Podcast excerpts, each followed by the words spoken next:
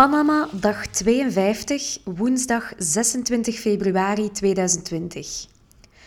Paradise isn't a place, it's a feeling, zegt me wel eens. Wel, dan ben ik nu even in het paradijs.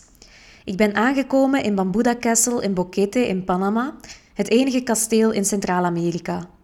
En hier ga ik mezelf eens goed verwennen voor een nachtje. Maak u geen illusies, ik slaap nog steeds in een dorm. Wel het beste bed aan het raam met mountain view en geen stapelbed. Maar in dus verder zeer luxueus gebouw met zicht op koffieplantages en heuvels. De inkomhal is, zoals het in een kasteel hoort, zeer statig. Er is een tafel waar in het midden water staat op een draaibaar gedeelte. Zelfs deze details maken mij blij. Er is een zwembad en jacuzzi beneden, kikkertafel, boksbal en zelfs klimuur. Er is ook een tv-kamer boven en een zithoek beneden. Ik zit nu te genieten van een stuk chocoladetaart met een bol ijs en koffie die ik oneindig mag bijvullen.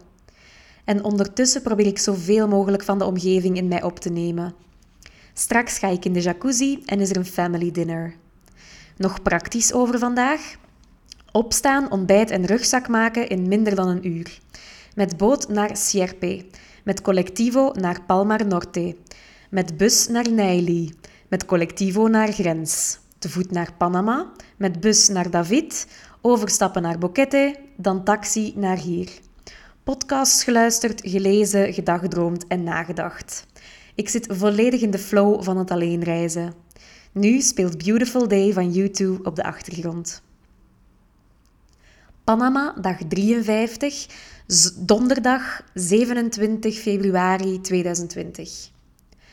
Terwijl ik hier zo zit in de zetels van mijn huidige hostel, voelt dit zo vertrouwd aan alsof ik in mijn zetel thuis zit.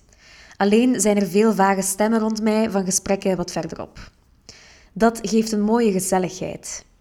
Ik ben van Bambuda Castle in Boquete naar Bambuda Lodge in Bocas del Toro gereisd. Deze laatste is een eilandengroep, dus was het laatste stukje reizen met de boot.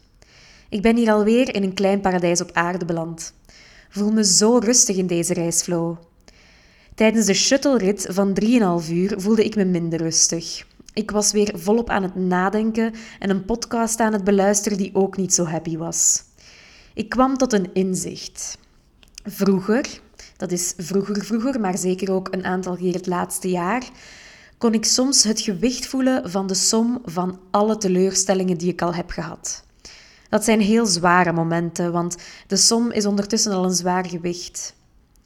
Nu ik aan het reizen ben, heb ik dit nog niet gevoeld. Ik leef voornamelijk in het hier en nu, in dit moment, aan het genieten van wat ik zie en beleef, of plan ik wat, nooit verder dan een paar dagen. Mijn grootste zorg is al geweest of ik gezelschap zou vinden om te eten. Dus relatief gezien is dat niets. Maar als ik nu de dreiging ervaar van een mogelijks verdriet, voelt het heel onveilig aan, alsof ik weer de som ga voelen. Reizen behoedt me van dit te voelen, maar ik wil het ook niet meemaken om dat hier mee te maken, waar ik nooit volledig privé heb of dat dit mijn ervaringen tijdelijk in de weg zullen staan. Piekeren lost eigenlijk niets op, want als denken in de negatieve zin zorgt alleen voor slechte emoties als het nog geen realiteit is. Vandaag heb ik aan het zwembad gelegen, van een glijbaan gegleden in zee en op mijn eentje gaan snorkelen in het rifje voor de deur. Ik heb hier kennis gemaakt met een aantal mensen, waaronder een Nederlandse, een Nederlandse met wie ik een gemeenschappelijke vriend heb, Tom uit Leeuwarden. Kleine wereld. Morgen ga ik met dat koppel en een Canadees hiken en snorkelen.